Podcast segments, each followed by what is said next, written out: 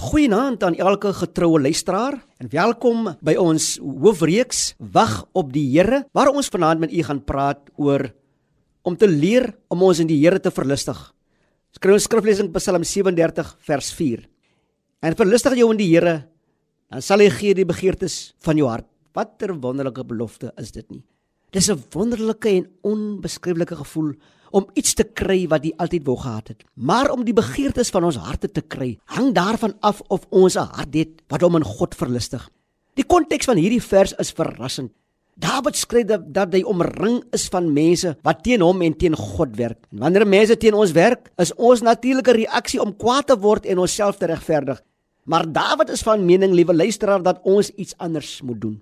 Dawid herhaal dat ons oor en oor en op verskillende maniere op God moet vertrou.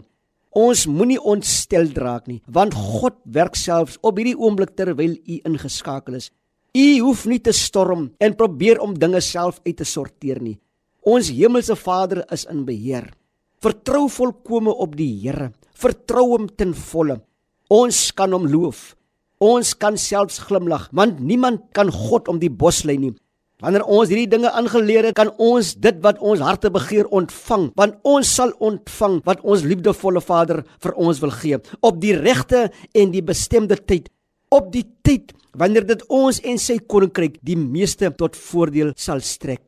Op die regte en bestemde tyd sal u ontvang wat die Here vir u bestem het. Kom ons verenig in gebed.